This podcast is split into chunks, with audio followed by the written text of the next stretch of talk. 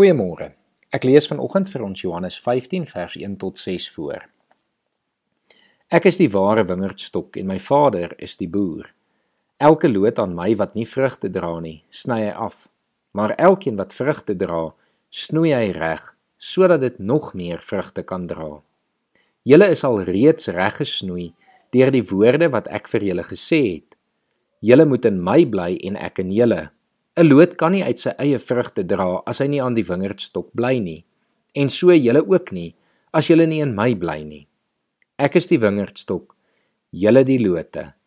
Wie in my bly en ek in hom, dra baie vrugte, want sonder my kan julle niks doen nie. As iemand nie in my bly nie, word hy weggegooi soos 'n loot en hy verdroog. Die mense maak sulke lote bymekaar en gooi dit in die vuur en dit verbrand. Ek het 4 jaar gelede tydens 'n Pinksterdiens die metafoor gebruik van ons lewe wat soos 'n tuin is. Meeste van ons se tuine is redelik gaals wanneer ons die eerste keer tot bekering kom en ons lewens vir die Here gee. En dit kan dan natuurlik alleenlik reggemaak word deur die Heilige Gees. Maar selfs ook vir gelowiges wat al lank in 'n verhouding met die Here is, is dit soos met enige aardse tuin dat ons lewens ook maklik weer oorgroei kan word met verkeerde plante, die grond dalk uitgeput word en die tuin onproduktief en vuil raak. Daarom is dit so noodsaaklik dat ons nie probeer om ons eie lewenstuine te versorg nie. Die Heilige Gees moet altyd die tuinier wees wat in ons lewenstuine behoort te werk. Ons het Woensdag gehoor Hoe wonderlik dit is dat ons die vrug van die Gees kan dra. Maar dit is net moontlik as ons die Heilige Gees toelaat om in ons lewe te werk, om ons lewenstuine te versorg soos hy wil, om in die eerste plek ons lewens skoon te maak van al die bossies wat so onnodig in ons lewenstuine groei, om seker te maak dat ons reg gesnoei word, versorg word en gevoed word. Jesus vertel hier in Johannes 15 vir sy disippels dat hy die ware wingerdstok is en dat sy Vader die boer is.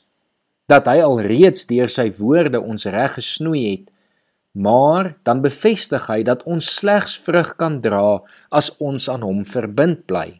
En al hoe ons aan hom verbind kan bly, is deur sy Gees wat in ons woon en in ons werk. Dit is die Gees wat seker maak dat ons op die regte pad bly.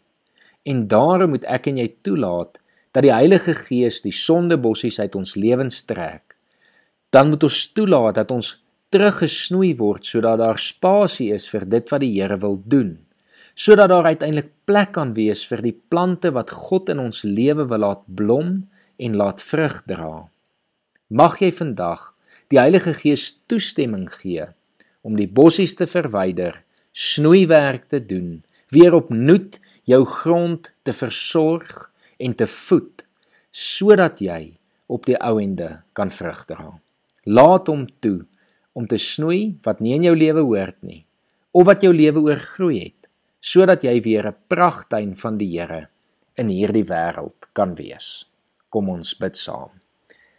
Here, dankie dat ons U kan vertrou met ons lewens, Here. Dankie dat ons ook vanoggend kan bely dat ons nie in staat is om ons eie lewenstyne te versorg en onder beheer te hou nie. Maar Here, dankie dat U U Gees as tuinier in ons lewens plaas wat ons help hiermee, wat ons versorg, wat ons voed, wat ons snoei sodat ons kan vrug dra en U kan verheerlik, Here. Ons dankie daarvoor in Jesus Christus se naam. Amen.